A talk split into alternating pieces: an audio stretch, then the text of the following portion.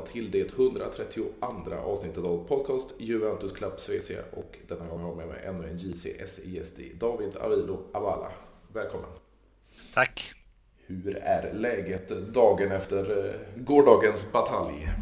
Ja, vad ska man säga? Man har väl smält eh, majoriteten av det idag.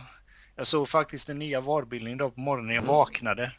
Så då blev det ju lite andra känslor idag på morgonen än det var igår. Ja, precis. Det är ju, först var det väl Millik som gick ut med den här bilden på Instagram och sen har den ju vevats på, på ja, det Ja, det har ju det och då blir det ju lite så här. När man såg den första andra prisen där efter matchen, då var det ju liksom, då tyckte man det var ju inte så mycket att snacka om egentligen. Bonuccis offside och så. För förståeligt, men sen när jag såg den här bilden han la ut Milik, då blev det lite så här, man bara fan. Alltså vad är det som händer liksom och varför ska det hända oss på något sätt och ah, det som jag väl sa tidigare speglar säsongen vi har haft tycker jag. Mm. Att där och sen samtidigt på ett sätt kände man att fan nu får det räcka. För att det blev lite pinsamt på slutet och skämmigt och allt det här med tumultet som uppstod och röda korten på Allegri och Quadrado. Och... Det kändes som att ja, det botten i snodd på något sätt eh, något måste hända. Jo men precis, det, det, det var som vi sa lite innan här, vi tryckte på räck, att det, det, det, finns ju en hel del att diskutera. Man kan ju, man kan ju ta, nu, nu nämner ju du till exempel Allegri dessutom, det är ju ändå en, en fråga man får, får ställa sig om han är den rätta tränaren. Men, men rent igår då, alltså själva matchen och själva spelet från Juventus, vi ska ju inte ligga under med 2-0. Eh, och sen så har vi ju då alla domslut och var behandling av, av matchen som eh, är en stor diskussion bara i sig. Ja, det såg väl bra ut fram till målet, eller bra mm. bra. Det såg väl någorlunda positivt ut. Och återigen är det väl Miretti som visar framfötterna igen. Mm. Eh, det är väl enda utropstecken jag hittar under hela säsongen som har varit om jag ska vara ärlig.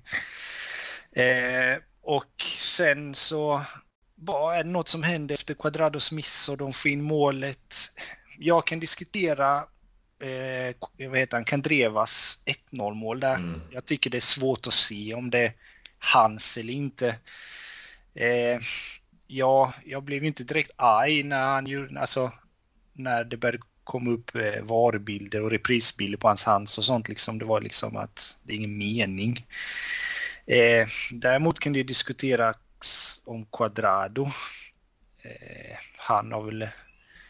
Jag vet inte, sen för jag läste någon, jag tror det var på min kanal där som skrev mm. något om Quadrado där liksom att han har ju inte alls, alltså helt oigenkännlig sen mm. försäsongen egentligen och det är väl han man ska lasta målet egentligen. Eh, ett grovt misstag. Definitivt. Och, och sen straffen kan jag väl tycka är väl inte så mycket att snacka om. Det är väl lite oflytande av väl touch på honom, precis ska ta bort armen och jag såg lite kommentarer om, eh, man jämför den lite med Delict och ja, sånt ja, direkt. När det gäller Bremer så är jag inte direkt orolig Nej. att sånt kommer återkomma för han har varit så pass stabil hela säsongen. Eh, så men det är väl som sagt som jag nämnde tidigare, det speglar vår säsong lite oflyt och att den straffen ska komma i 44 minuten säger väl ju en del och istället för att den ska komma efter en katt liksom. Jag menar, åh, det är ju, det jag vill också komma till var ju att efter 1-0 målet där så blev vi utspelade mer eller mindre. Det är något i psyket på spelarna, eller jag vet inte vad. Det är svårt att sätta fingret på vad det är. Att mm. de, inte, de bara tappar fokus helt och hållet och det blir ju bara kalabalik av alltihopa. Jo men det är lite så här, jag tycker det är intressant just namnen du nämner också. Jag är lite för när jag vet att jag ska spela in ett avsnitt och, och snacka ner en match och göra lite mentala anteckningar om, om spelare och, och, och, matchen och så vidare. Och då var det just Meretti. Jag tycker det var intressant att höra, det har man hört sedan länge nu, hans, hans förebilder. Nu, numera är det ju Kevin De Bruyne, men, men det var ju en Pavel Nedved. Och, och jag tyckte man såg, det var ett anfall där han tog sig förbi tre, fyra eh, Salernitana-spelare och det var lite det här Nedved-eska att eh, bryta sig igenom ett försvar. Så det var lite intressant. Jag satt och tänkte på hur lik han var just i det segmentet av matchen, hur lik han var Nedved där. Ja, det tänkte jag inte så mycket på faktiskt. Nu när du säger det så blir det ju liksom de här vibbarna och jag gillar han skarpt. Jag gillar det han har visat och jag gillar på ett sätt var väl tur och oturen att Pogba fick den skadan han fick. Kanske. För att han ska ha fått de här minuterna. Jag blev lite så här, jag tyckte det var synd att han inte fick visa i matchen mot PSG här. Sen är det väl inte han man ska lasta att han blir utbytt efter första halvlek. Det är väl ett naturligt byte om man säger så. Men jag menar, han har verkligen imponerat och det bästa är ju att det är vår egna kille med ju. Mm. Det har vi ju inte sett sen Marquisio liksom. Eh, och nej, jag, jag bara myser när jag ser han lira och på det sättet. Speciellt nu som han gjorde mot Salernitana ny, nyligen då som du ser det här med genombrytningarna och han har varit lite mer försiktig de, för, de föregående matcherna men nu kändes det liksom att han börjar våga lite mer och ta för sig lite mer. Och ja, alla väntar väl på målet där han ska göra för assisten och har redan gjort så det var synd att han inte fick göra mål, men som sagt, det, det är något väldigt fint på gång där med honom och hoppas att han fortsätter och får mer speltid och fortsätter prestera som, som han har gjort. För ja, är det något man ska ge Allegri är väl att, man ska, att han har gett mig rätt i chansen. Absolut, och, och, och, det känns ju lite, lite som du var inne på det också, att han är lite försiktig. Jag satt och tittade på honom när man ser eh, spelarna innan han går in på, på Parc de Prince där mot, mot eh, PSG. Alltså han ser ut som en liten, en liten pojk bland de vuxna. Eh, väldigt nervös och så vidare. Men alltså han var och spelade fyra sista matcherna förra säsongen. Eh, och nu har han fått starta de flesta i början av denna säsongen. Så han är ju ingen erfaren spelare på det sättet. Så, så att gå in i Champions League, det, det förstår man ju extremt stort för honom. Ja, han nämnde ju det själv att han blev ju imponerad av intensiteten mm. PSG hade första halvlek. Och det är fullt förståeligt. Eh, jag hade väl kanske inte räknat med att han skulle gå in och dominera precis, men jag hade hoppats på att man hade ändå kunnat få se lite mer så här piggt och fräscht och ettrigt som man har sett dem, speciellt som man såg mot Roma liksom och nu sist mot Salernitana här. Mm. Eh, men ja, som sagt, det är orättvist att bedöma han efter den första halvleken vi gjorde liksom där mer eller mindre ingen var bra. Eh, men eh, nej, jag tycker liksom att ja, jag tror ändå att Locatelli ska känna sig lite orolig här nu när han inte han heller för övrigt har presterat mm. på den nivån vi vill och eller har varit vana på att han ska göra. Sen kan vi alltid prata om om han har spelat på rätt position eller inte förvisso. Vilket jag tycker inte han har fått göra innan Paredes intåg här. Men eh, det blir en svår nöt att knäcka för Allegri när Pogba kommer tillbaka. Vem man ska föredra, Locatelli eller Meretti, om Meretti fortsätter på den här kurvan rakt uppåt. Så det kan nog bli ett hett ämne. Ja, definitivt. Och det känns ju inte som... Alltså det känns ju som Paredes är pusselbiten vi har saknat ett tag nu. För, för eh, det var väl mot, mot eh, PSG han hade de här 102 eh, bolltoucherna. Eh, och, och han, han, dikterar spelet, han är regissören på mitten och, och går väldigt djupt i, i banan. Lite, lite pirroesk sådär. Men, men, det är som du säger, alltså när vi har alla spelare på plats. Innan har vi ju klagat på att vi, vi har för dåliga mittfältare. Får vi tillbaks eh, Pogba, nu har vi en Emeretti som kommer upp. och Sätter vi Locatelli på rätt position då, då, då blir det bara mer och mer eh, spelare på få platser. Så, så eh, Allegri har definitivt något att, att bita i sen. Eh, det blir väl efter VM då när Pogba troligtvis kommer tillbaks. Ja, det kommer man ju få. Och det är ju det är lite som eh, man har gått runt och undrat liksom hur det hade sett ut om alla hade varit tillbaka eh, är Allegri inte bättre än så här, att han inte kan få ihop ett lag i alla fall? Eller är det på grund av att de här spelarna är skadade? Ja, eh, han har haft det jobbigt och jag förstår ändå liksom att det som han har sagt att det blir ju varje poäng blir viktig ändå för att hänga med tills de här spelarna kommer tillbaka. Om, det går ju ändå inte att sticka under stolen med att Pogba är ju tillsammans med Paredes den bästa mittfältaren vi har. Mm. Och få han skadad efter, vad var det, 90 minuter mm. på försäsongen. Ja, ibland känns det som att det vilar någon förbannelse över oss. Mm. Och, och ja, jag vet inte, det, det är klart, det kommer bli tufft och frågan är, blir det bättre eller kommer det se ut så här som det har sett ut? Det återstår att se, men det är helt klart, alltså vi har haft våra tre bästa spelare borta sen början på säsongen. Det märks och det syntes speciellt tydligt efter premiären när Di Maria startade, gör två assist och ett mål, försvinner mot Sampdoria och det blir sådär flashbacks till mm. förra säsongen och han kommer tillbaka och gör en gedigen... Alltså, ja.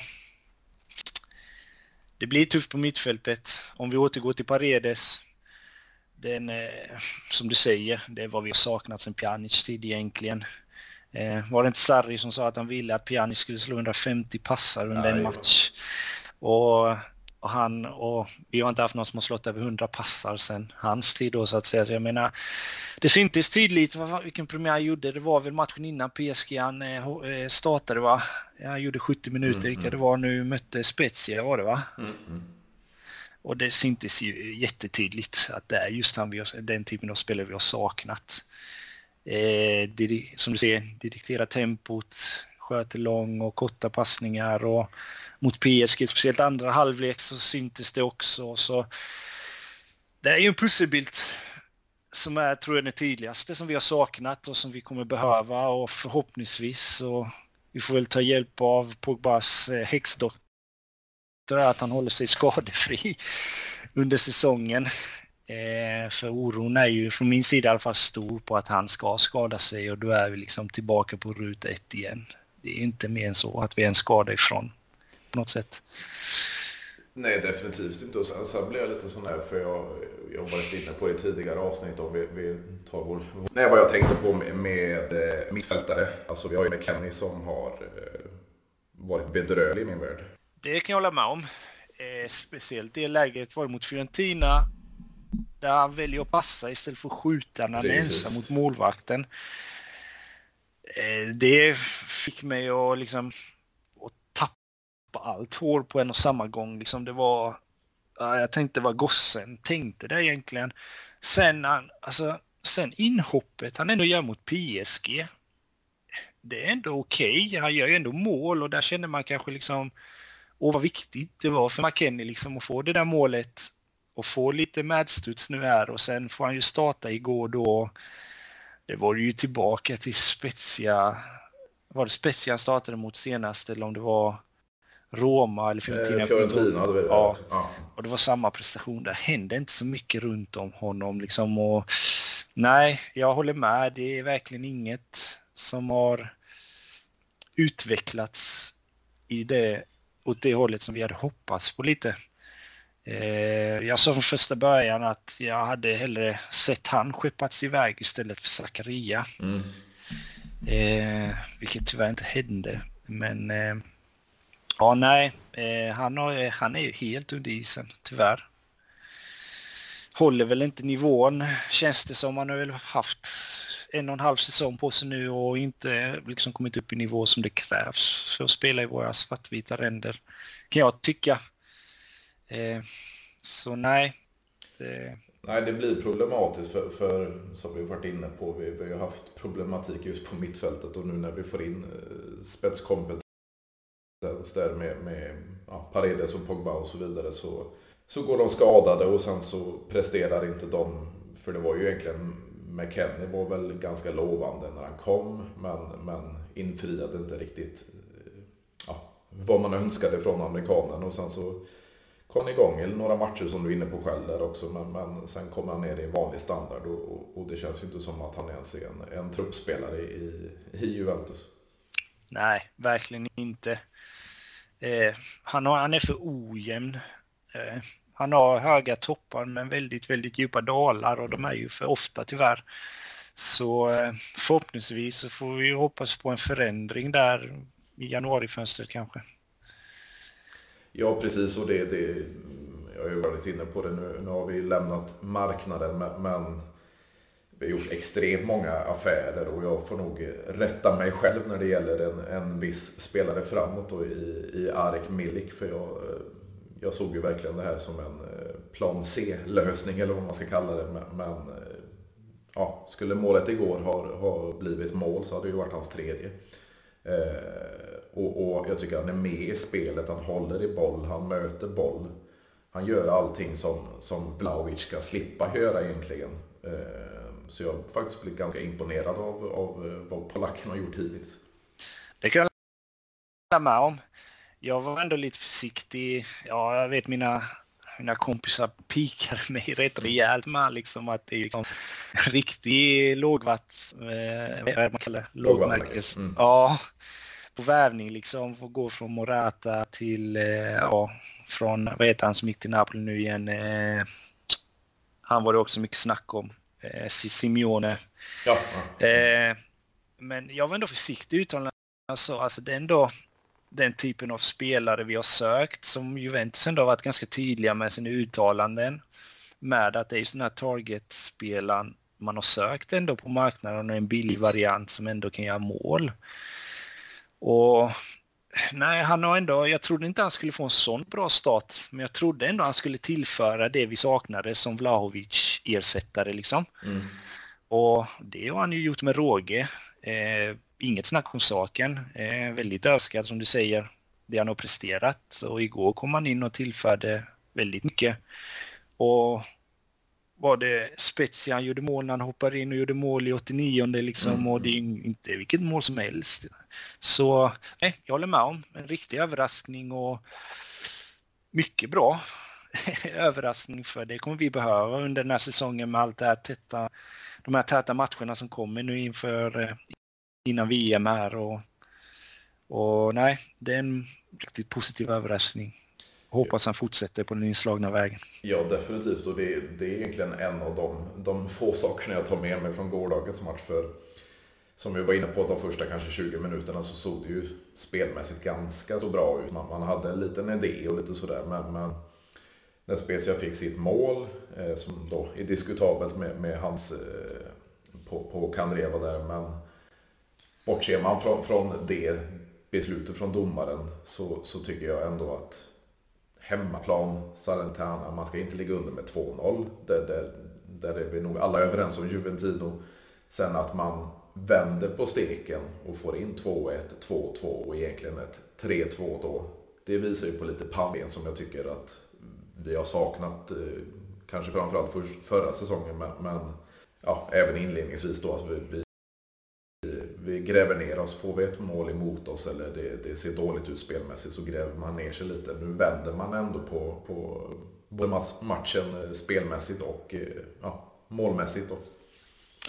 Ja, det är moralen de visar är ju, ska de ha all eloge för och bra byten av Allegri för den delen med i paus. Mm. Jag menar alltså, det är ändå alltid något jag tyckt om med Allegri att han ändå alltid varit en bra matchcoach.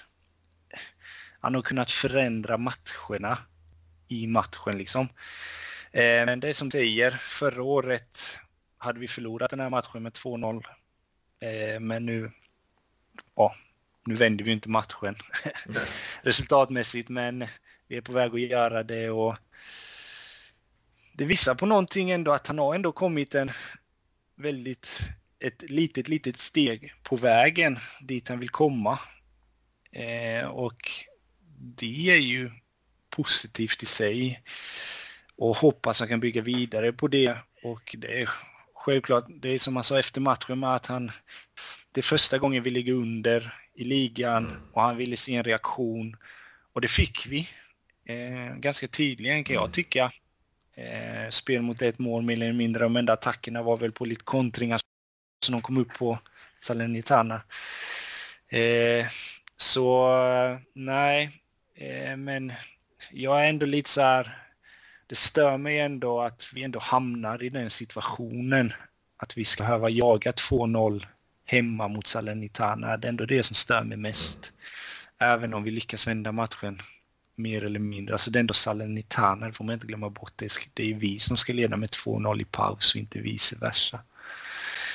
Eh, ja, så det är väl det som stör mig. Det är därför jag inte låter allt för positiv för den vändningen. så, ja, det vänder ju lite så här om man, man, man tänker, jag som kör ett avsnitt i veckan. Förra veckan var det ju kommentator då i Kviborg, men, men veckan innan så blev det ju ganska då, då, sa jag tror jag att jag vill inte vara alldeles för mörk i, i mina tankar om vad jag tycker om Allegri och, och Juventus spelmässigt och så vidare. Och sen så blev det ett ganska mörkt avsnitt med, med Kviborg. Så, så, så, man vill ändå ha en liten positivitet i, i, i avsnitten som man spelar in med. Men det är svårt att, att glädjas över de här. Som sagt, man får ta med sig små saker Att vi, vi lyckas vända på, på... Eh, vi fick en poäng åtminstone, skulle haft tre. Men, men det, är det, det, är det lilla vi får ta med oss. Vi, vi är något positiva åtminstone. Ja, eh, vi får inte glömma heller att vi bara inom citattecken är fyra poäng bakom mm. serieledarna, att vi fortfarande är med. Vilket för mig är sjukt egentligen, mm, mm. att vi ändå fortfarande är med efter det vi har presterat den här säsongen. Så nej, men som du säger, vi måste, man får ändå fin och alla fina som man säger. Mm. Alltså man, man får hålla huvudet högt ändå. Det, hoppet är ju det sista som lämnar en och, och man får ja, vad heter man, leta efter halmstrån eller vad det är man finns mm. ut om man precis. säger precis för det positiva så äh, vi ska inte vara allt för negativa. Man kan ändå inte, som jag sa tidigare, komma undan med att vi har ändå ganska viktiga spelare borta som ska göra den här skillnaden och det påverkar ju väldigt tydligt vårat spel. Och ja, det, så är det och det är väl verkligheten vi lever i i dagsläget och det får vi ändå acceptera på något sätt.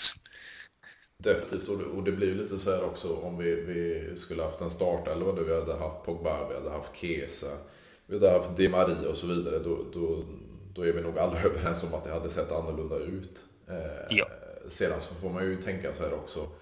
Om vi tar startelvan igår. Du kör med en Moise Keane som jag spytt galla över. Som, jo, som förra säsongen.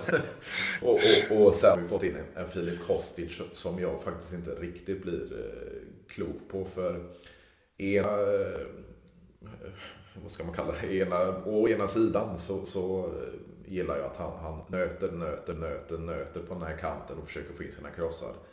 Men å andra sidan så känns det ju som att han bara gör det för sakens skull. Det är, ingen, det är kanske kvalitet på en av tre.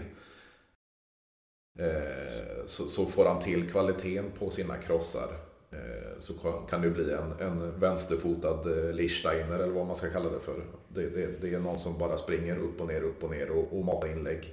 Men han måste få till kvaliteten. Det kan jag hålla med om.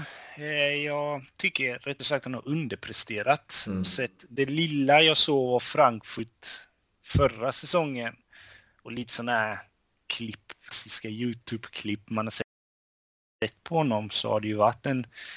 Det man såg att han vill kliva in mycket i mitten också, tog mycket skott och jobbade in sig centralt i banan. Men det känns lite som att han har blivit hämmad utav Allegris de här eh, tydliga direktiven har gett sina spelare att han ska liksom hålla sig så långt ut på vänsterkanten som möjligt för att slå de här inläggen till Vlahovic.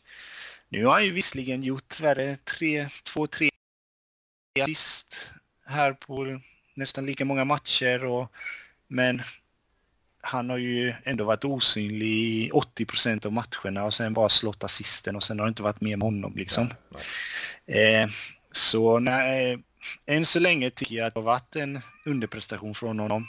Hade hoppats på mer. Kan samtidigt inte heller bli allt för besviken på honom för att vi vet nog alla hur taktiskt drillad den här linjen är och att vissa spelare kan få problem i början av säsongerna och komma in i den italienska taktiken så att säga. Men jag är lite försiktig i min eh, dömning på Kostic än så länge. Mm. Ge det några månader till, sen kanske personligt då kan jag ge en klarare bedömning på honom. Eh, men ja, ja, jag nöjer mig med det om Kostic än så länge. Jo, men det, det, är ju för att jag, jag håller med dig till, till, till punkt och pricka. För alltså man ser, gårdagen då, då var det faktiskt han som stod för inlägget till eh, Bremers mål. Eh, jättefin assist. Eh, han, han, kom ju till lite när Juventus vände lite mot PSG i andra halvlek när, när man spelade ut på kanten och man stod från krossar från båda håll. För då, då då jag tyckte PSG såg väldigt sårbara ut och då var ju då McKennie fick till sin, sitt nickmål där också. Så, så får vi till de här eh, krossarna från både Kostic och, och, och vem det nu är som kommer spela till höger. Om det blir Quadrado eller om det sedermera blir Kesa då när han kommer tillbaka. Så, så är det ett giftigt vapen vi kommer ha. Eh, och, och det är Maria som också spelar från, från en ytterposition. Så, så ja, det, det, blir en giftig del av vårt spel. Självklart. Eh, han blir väl alltså han är också en sån spelare som du kan gå in eh, som, och förändra en matchbild med. Eh, ändra spelsystem och så vidare när Allegri behöver göra förändringar. Jag antar och tror att det var väl lite tanken med den värvningen också. Jag ser ju inte han som en startspelare när både Chiesa och Di Maria är hela. Utan det är väl mer en Milik typ. Du mm. byter in han när du vill förändra matchbilden liksom. Eh, men ja, vi hoppas på det och eh, jag förväntar mig fler assist från hans vänsterdoja. Eh, förhoppningsvis så kommer vi få det. Ja, definitivt. Och, och, och, och tar vi det andra namnet på andra sidan så, så du var inne på det i början där när du, när du talade om Meretti också. Alltså Juan Cuadrados säsongsinledning. Ja, jag vet inte vad man ska säga egentligen, men, men det känns som att han börjar i, i Alexandros eh, spår nu och, och, och, går ner sig sakta men säkert. Ja, eh, det är väl sanningen i det hela om vår Mr 11 på kanten där. Mm. Det känns väl lite som att han har gjort sitt nu och det har väl snackats om någon kontraktsförlängning här, eh, eller det snackades väl i början på sommaren eller vad det var. Mm. Eh, det väl, lutar väl inte åt att det kommer bli någon. Jag hoppas verkligen inte det för han har varit hos oss nästan tio år va? Eh, nej, inte så länge. Ja, men det närmar sig ändå. Ja, mm. och självklart eh, tack. Man får ju tacka honom för det han har gjort och han var ju bra när han kom in där med var det med Allegris första år eller med Contes sista år? Kommer inte ihåg riktigt. Det borde ha varit där någonstans. Ja, och nej, han, han håller inte längre. Det har han bevisat tydligen. Han, han hänger inte med. Han gör mycket misstag och igår blev jag så arg på honom för när vi hade kontringsmöjligheter på hans kant och bara stannade han upp anfallen och tar väldigt mycket konstiga beslut och nej, det är våran Alexandro på högerkanten som du sa och det vi får tacka av han fint här i slutet på säsongen och sen gå vidare med en ny ytter helt enkelt. Eh, för han eh, känns som att han har gjort sitt liksom. Ja, och då blir det ju ännu mer, vad ska man kalla det, alarmerande just för, för jag kan ju ta alla de här eh, 131 avsnitten innan detta så, så, så har man väl mer eller mindre både jag och, och, och gäster klagat på det just det här med ytterbackspositionerna. För som vi var inne på, Alexandro har gjort sitt. Eh, vi hade en Frabotta, vi hade en Luca Pellegrini som vi skickar på lån. Eh, vi tar in en Andrea Cambiasso som vi skickar på lån. Eh, på, på, andra kanten har vi en, vi kan ha Danilo som gör sig bättre på andra positioner. Vi har en De Chiglio som är De Chiglio. Och, och, och, vi har en då en Quadrado som vi precis talade om. Så, så vare sig vi pratar vänsterflank eller högerflank så är det extremt eh, dåligt eh, kvantitet på, på, och kvalitet på dessa positioner. Det kan man ju säga. Det, ja, det är ju problematiskt. Otroligt problematiskt. Sen förstår jag inte det här Cambiasso-dealen de gjorde med Genoa där. Det, det är helt, helt otroligt att det är väl den positionen egentligen vi behövde förstärka som mest kan jag mm. tycka. Mm. Efter att eh, man skeppar iväg Pellegrini. Eh, och sen så lämnar man ut den på lån till Genoa i Serie B liksom. Jag menar, man kunde väl lika väl låtit han försöka ta en plats på vänsterbacken. Mm. Jag menar han är ju alltså jag tror det är svårt att hitta något sämre än Alexandro. Eh, och det hade väl känts som någon möjlig, om en liten uppgradering på en vänsterkant. Och sen som du säger, högerbackspositionen, det blir också problematiskt. Visst, Danilo, han är väl stabil, men inte mer. Eh, och sen har han fått hoppa in på mittbackspositionen som du säger. Han gör ju bättre ifrån sig där än vad han gör på en högerflank. Mm. Och Quadrado, ja. Det finns väl inte mycket mer att säga om honom egentligen. Jag menar, det är ingen högerback från grunden från början. Jag var väl inget stort fan när man skolade om honom till högerback. Eh, det är väl två positioner som man bör titta väldigt noga och intensivt på inför vinterfönstret där kan jag tycka. Nu har det väl kommit upp rapporter där som du la upp tror jag om mm. Grimaldo i mm, Benfica. Det ska bli intressant att se han. Är det på onsdag? Nu ja, om man spelar. Eh, och följa en lite vad det är för typ av spelare men det känns som vad som helst hade behövt liksom för att få en uppgradering på de flankerna. Eh, än så länge har vi väl ändå varit förskonade där, eh, bortsett från igår då med mm. Quadrado från typiska därifrån, men ju längre säsongen lider tror jag så kommer det bli mer och mer problematiskt. Jag menar, du kan ju inte... Det kan bli svårt att konkurrera om en scudetto med Di Ciglio och Quadrado på varsin kant som defensiva backar liksom. Mm det är så osexigt det kan bli. jo, men det, det, det, känns ju som det. Jag har ju varit inne på det tidigare också. Vi, vi, vi hade en eh, Lichsteiner på ena kanten, och en, en eh, Patrice Evra på andra kanten och de, de bara tutade och körde. Och, och, det är klart vi har haft eh, hyfsade ytterbackar därefter och vi har haft verkligen bra ytterbackar tidigare än dessa två herrar. Men, men det är de som jag minns lite från det här nya Juventus. Det, det, det var Lichstein och så tog vi in en erfaren eh, Evra som, som det var bara tut och kör. Och, och, det känns ju som att ledningen har fullständigt skitit i den positionen. Man, man, tog in en Alexandro som var väldigt bra de, vad kan det ha varit, två, tre första säsongerna. Men, men sen började han ju dala ganska rejält. Eh, men jag minns till och med vi hade Eh, vi fick sätta ut Basagli på, på en högerbacksposition. Just det. Den mest stabbiga av våra backar om man säger så. Så, så, så, den positionen har man ju lite skitit i. Man tog in en Cancelo, man byter bort honom mot eh, Danilo. Eh, man, man, har en Spinazzola, man byter bort honom mot Luca Pellegrini och lånar ut han dessutom. Så, så det känns ju inte som position som ledningen bryr sig om något, något större. Nej, och det är väl en skrämmande utveckling kan jag tycka. Mm. Eh, det har väl känts lite, man har väl fokuserat mycket på de offensiva eh, positionerna och mittfältet just. Eh, och då har ju de här platserna kommit lite i skymundan och sen tror jag att med, med att de Ligt lämnade med så blev det väl ännu mindre tanke på de här positionerna. För man var ju tvungen att ersätta en illa kvickt.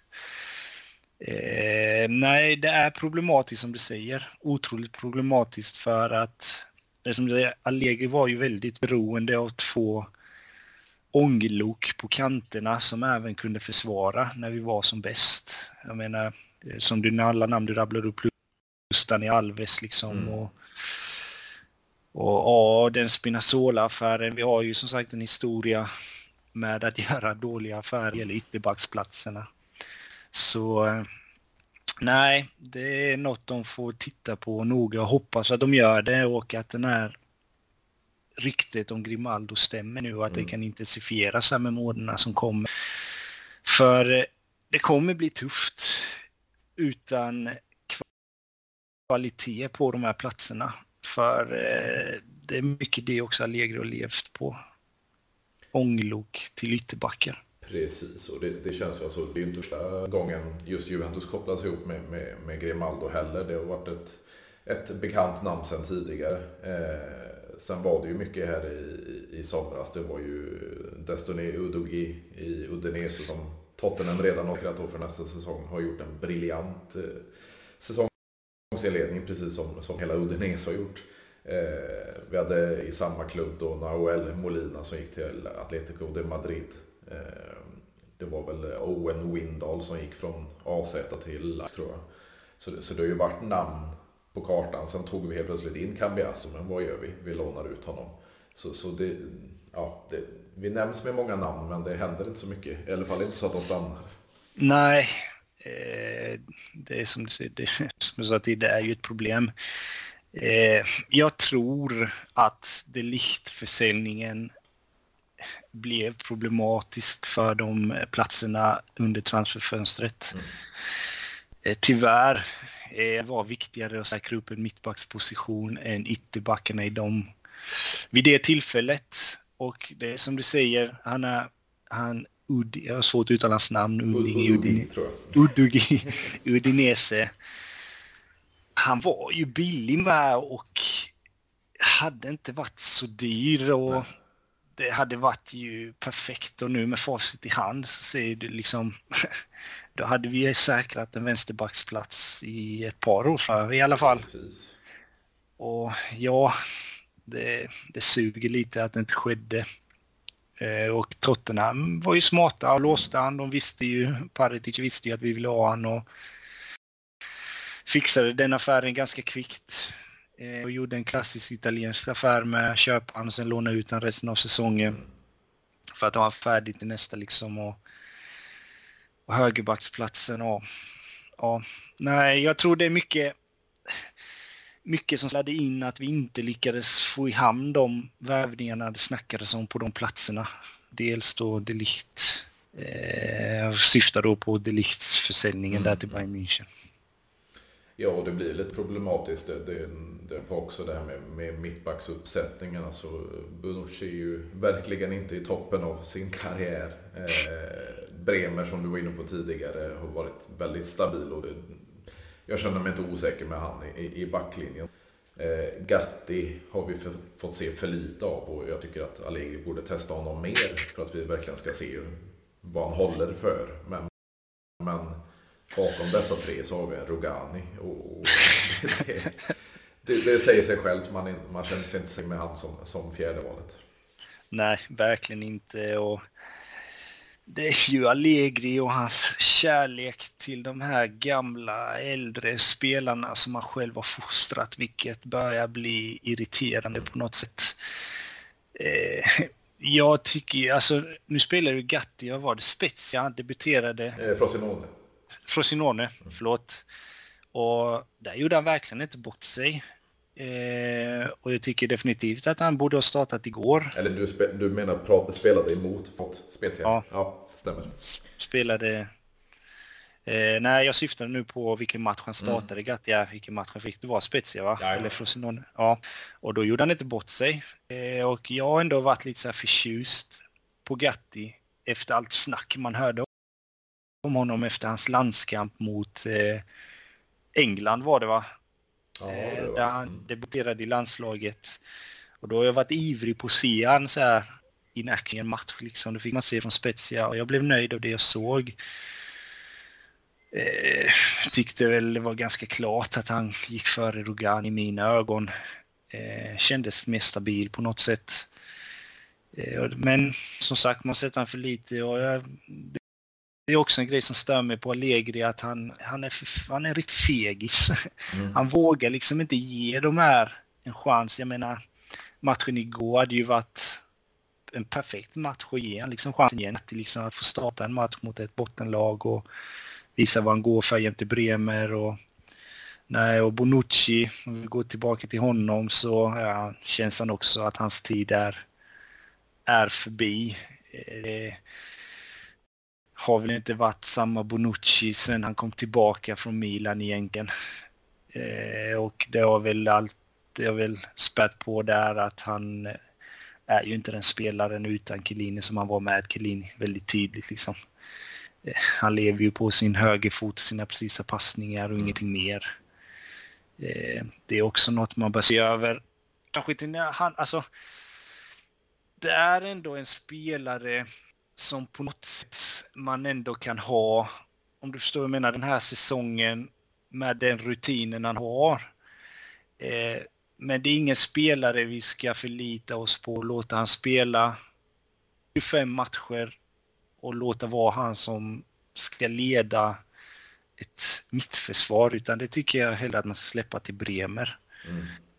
Eh, och sen försöka fasa in Gatti så mycket som möjligt. För eh, jag vill inte säga att det är någonting bra på gång där men det är någonting som säger mig att det ligger, alltså att han är en oslipad diamant.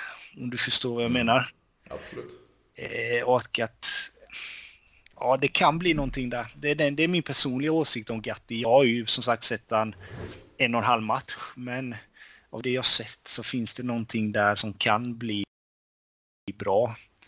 Eh, och det är ypperligt läge nu när vi har fullmaktsalternativ så anser jag att det inte är ett bättre läge än att fasa in han sakta men säkert in i en möjlig startelva. Definitivt och, man har ju fått se en, en, eh, vänskap med, med Dusan Vlahovic också mellan, mellan han och Gatti så det, det, det, ja. det är båda gott för, för framtiden. Självklart. Sedan tänkte jag också på, på om vi hoppar längst bak i, i truppen. Nu har vi ju fått se en, Eh, Mattia Perin då får spela en hel del i och med att eh, Kerstin är borta. Men eh, det kom ju även häromdagen och det var väl Lick, tror jag, som, som påstod då att det, det finns fortfarande ett intresse från, från Juventus i, i Gigi och Donnarumma eh, inför nästa sommar. Eh, hade du velat göra det av med polacken, ta in Donnarumma? Är du nöjd med Perin och så vidare? Eller hur känner du? Ja, jag tycker väl det är väl rätt självklart. Jag var rätt frustrerad för förra sommaren när man inte gick all in på Donnarumma efter det EMet han gjorde. Då hade vi ju säkrat, då hade ju varit vår nya Buffon. Vi har ju säkrat den på 20 år framöver. Eh, att han ska komma nu i sommaren kan jag tycka känns väldigt långsökt. För att han har fått en startplats PSG Eh, och att han ska... Sen, ja, jag hade ju självklart velat ha han före mm. Chesney alla dagar i veckan. Det är inget snack om saken. Men att han ska komma nu i sommar känns otroligt långsökt. För han det han har velat ha mer eller mindre i PSG. Och i den situationen vi är i nu så ser jag inte någon anledning till varför han skulle komma till oss. Om du förstår vad jag menar. Eh, och sen då Perin, wow, mm. säger jag. Eh, vilken inledning han har gjort. Eh, mycket imponerad utav honom. Eh, räddat oss i många matcher. Eh, både Roma var ju, va, nej nu stod inte han var det då Chesney skadade sig va? Ja, Eller nej, det var Fiorentina om inte jag minns fel, han skadade sig. Ja, mm. i alla fall han fick hoppa in en match och, eh, och de matcherna han har fått spela så har han ju varit väldigt avgörande i många län. Eh, och jag tycker att den diskussionen ska hållas uppe om han eh, ska vara vår första keeper eller inte. Jag är ju själv målvakt mm. och min åsikt är ju att han att han borde och fortsatt ha fått förtroende när Chesney kom tillbaka från skadan han hade i början på säsongen. Mm. Att han skulle fortsatt och stått och att han inte skulle ha bytt Chesney. Bytt in han igen mm. efter sin skada. Eh, för att han, jag tycker han presterar ändå så pass bra. Han skulle ha fått det förtroendet. Men nu går vi ju tillbaka återigen till det med Allegri, att hans gamla kära mm. truppspelare kommer alltid gå steget före övriga spelare, vilket för mig är ett stort irritationsmoment. Men förhoppningsvis eh, så får han ju fortsätta här nu, för han har ju inte varit dålig. Han har ju varit väldigt bra. Eh, och jag gillar jag har honom skarpt. Jo men definitivt och den lilla gnutta hopp jag har om att han, han låter Perin stå kvar det är ju att han har faktiskt eh, startat flera matcher med, med, med Rätti och det är, det är inte likt Allegri om man ser det historiskt sett så, så han kanske överraskar med på målvaktspositionen också. Verkligen. Eh, jag hoppas det. Som sagt, han har inte visat några tendenser på att han är på väg, alltså han har inte gjort några misstag nej, som man har sett från övriga andra målvakter. Utan han har ändå varit stabil rakt igenom och målen han släpper in är väl inte mål man kan lasta han för. Eh, så när jag hoppas att han fortsätter på den inslagna vägen och att Allegri fortsätter ge han förtroende. För att det är ju inte så kul för en målvakt när du varit så bra och presterat så bra och det är en konkurrenssituation och du helt plötsligt får gå tillbaka till bänken igen liksom och då börjar man undra liksom vad mer behöver man göra för att jag ska ta den startpositionen. Och det kan ju bli ett problem i, på sikt. Mm. Tycker jag. För övrigt tyckte han bra redan i kuppen förra säsongen. Absolut, och det, det är en underskattad målvakt. Sen har han ju talat om det själv då, att han, han var ju faktiskt på väg att lägga ner eh, fotbollen. Men så, så, tog han hjälp av en, en mental coach och, och, och vände mindre på karriären, skrev ett nytt kontrakt med Juventus och, och här får vi se frukten av, av eller nej, nu skördar han frukten av det hela. Verkligen stark resa har gjort sen efter på den eh, lite Buffon-likt mm. med Buffons depression och så vidare. Eh, sånt gör ju mycket när du får ordning på skallen och den mentala biten. Att det, det har så stor, in, stor inverkan på hur du presterar på en fotbollsplan. Liksom. Och eh, ja, mycket väl att det kan vara anledningen till att han har presterat så som han har gjort. Eh, och det vore ju otacksamt att få ett, inte ett återfall, jag menar eh, ett slag i ansiktet när du presterar och sen blir skeppad till bänken igen för en målvakt som, jag vill inte säga att han har blandat och gett, men som är på nedgång eh, mot vad han har varit tidigare hos oss. Mm. Och du har en som mer eller mindre har fått en fräsch vad ska man säga, omstart och är på väg uppåt på något sätt. Mm. Eh, jag tycker i alla fall att Perin ska fortsätta få chansen. Eh, och han och att diskussionen ska hållas öppen om vem som ska ha första platsen mellan stolparna. Eh, sen om det blir Chesney eller Perin i långa loppet, det får ju Idre avgöra så att mm. säga. Men jag tycker absolut att diskussionen ska hållas öppen. Absolut. Ja, det tycker jag är extremt viktigt och, och som du är inne på, man, man kan inte bara skeppa tillbaka honom på bänken och, och, och, hålla honom nöjd där med, efter de här prestationerna. Så jag, så jag hoppas definitivt att han, han eh, fortsatt chans. Verkligen. Eh, sedan så får vi väl ta den här eh, kaossituationen då i slutet av, av matchen igår.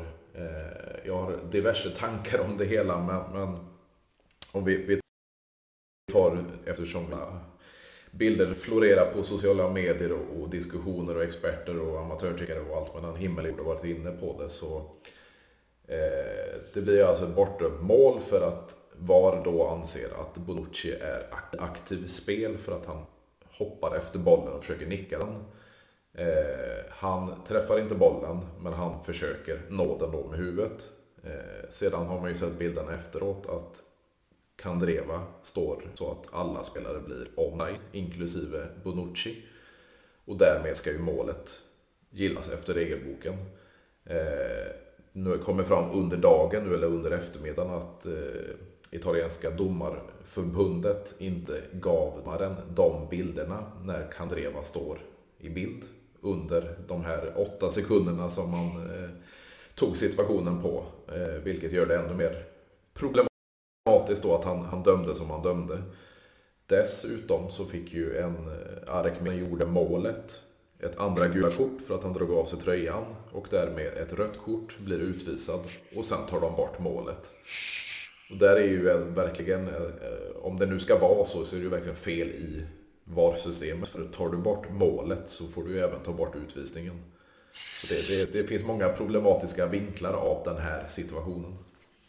Ja, Både ja och nej kan jag tycka. Mm. Eh, eh, regel, alltså om man tar Milliks utvisning så att säga. Mm. Eh, I den aspekten om, man, i aspekten om man går i regelboksväg så står det klart och tydligt att matchtröjan ändå ska vara på. Mm. Tar du av dig den så blir, får du ett gult kort.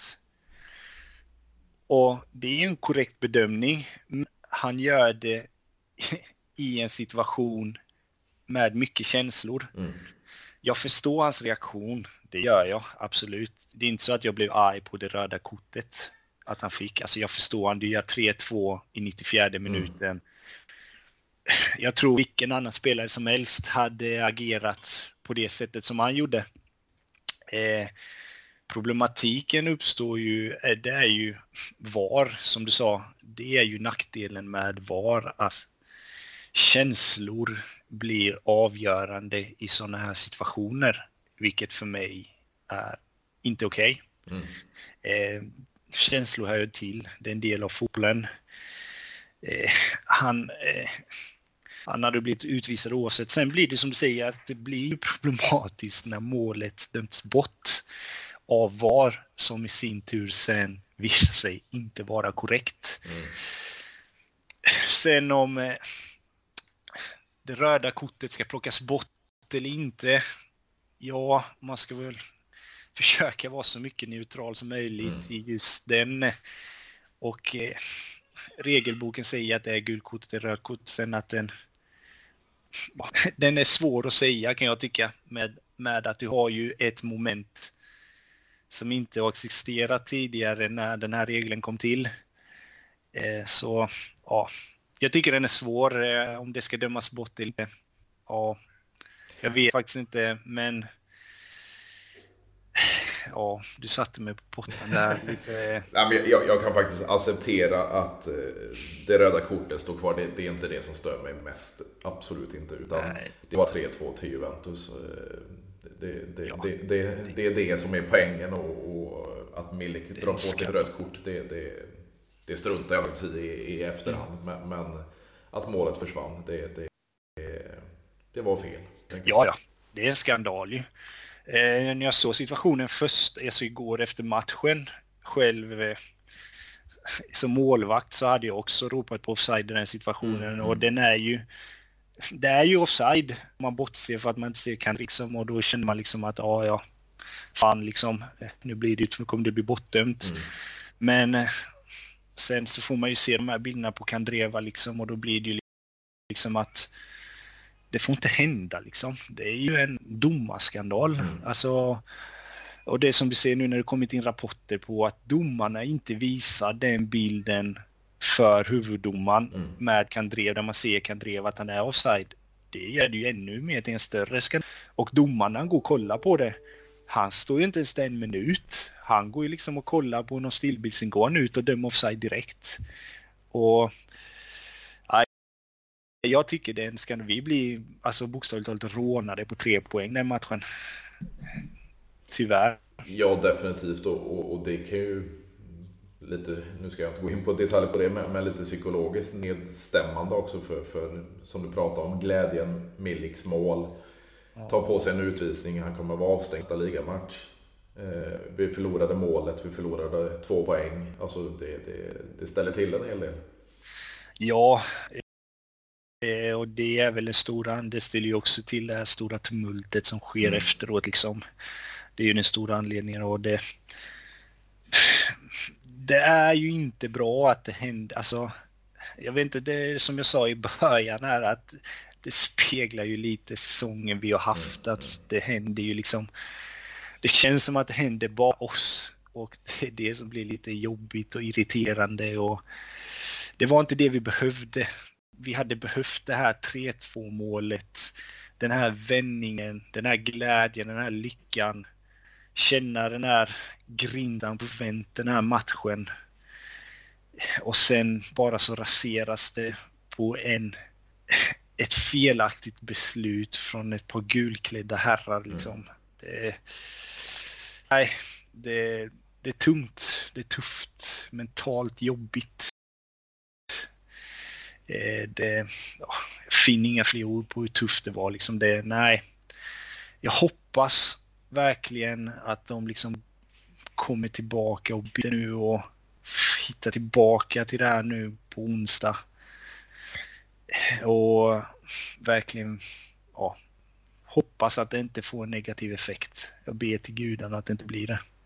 Vad, vad tror du på, på Benfica på onsdag och därefter?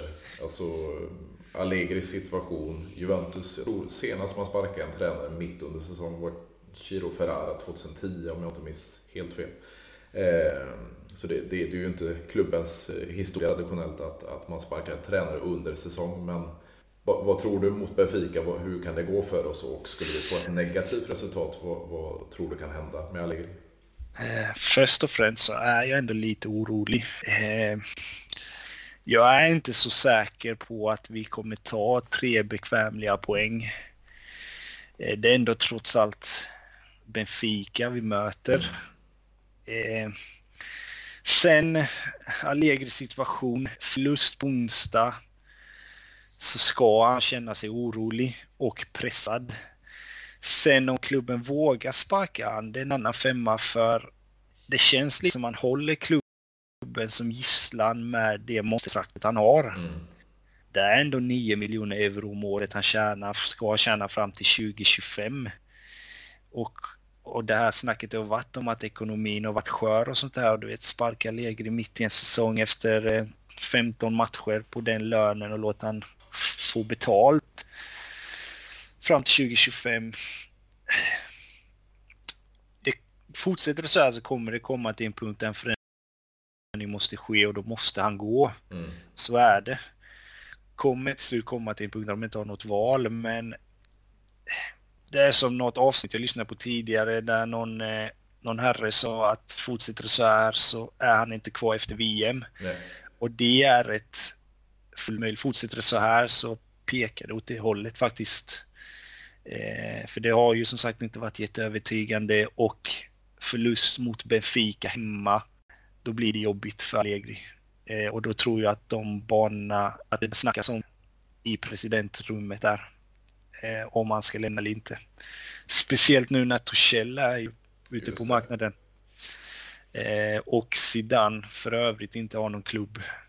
Eh, så han lever farligt, det gör han. Eh, och eh, jag tror att han kan bli sparkad mitt i säsongen. För jag tror inte de kommer acceptera att vi kommer ligga 10 poäng, 12 poäng efter en serieledare efter om VM. Det tror jag inte. Nej, det, det, det tror jag faktiskt inte heller. Och, och eh, allt det här som byggs upp nu med, med en, en fjolsäsong då som, som inte såg spelmässigt speciellt bra ut och, och nu har han ändå fått Visserligen spelaren eh, fått mycket spelare som han pickar på så, så finns det ju faktiskt för att inte prestera bättre framöver. Nej, han har ju fått mer eller mindre det han har pekat på. Mm. Sen har han ju levt lite på att ja, de här spelarna är där. Mm. Ja, visst, jag kan köpa det lite men du har fått någorlunda bättre kvalitet än vad du hade förra säsongen. Och får du ingen utveckling på det med bättre spelare, då är det något som inte funkar. Mm. Eh, och som sagt, vi får ha lite is i magen här några matcher till och jag tror att hans framtid kan bli väldigt, inte helt avgörande, men mycket kan stå på spel och skulle förlora mot Benfica på onsdag. Mm. Då är vi helt plötsligt, ja, då blir det en tuff, tuff höst här för att ens ta sig vidare från Champions League-gruppspelet. Definitivt och, eh, jag känner det slutorden för detta avsnitt och jag vill eh, tacka dig stort David för att du ville vara med och, och köta lite så får vi ta ett nytt, eh, nytt avsnitt längre in på säsongen. Absolut. Tack så mycket för att jag fick vara med. Riktigt kul att ha med dig för det, det är mycket, jag tycker det är så roligt att få in även från experter men även från följare av sidan och, och riktiga Juventino för det är det, det, det vi brinner för så att säga. Självklart. Som sagt, stort tack David så, så hörs vi av. Tack själv Fredrik. Ha det gött. Hej. Hej. hej. Go, go, go, go!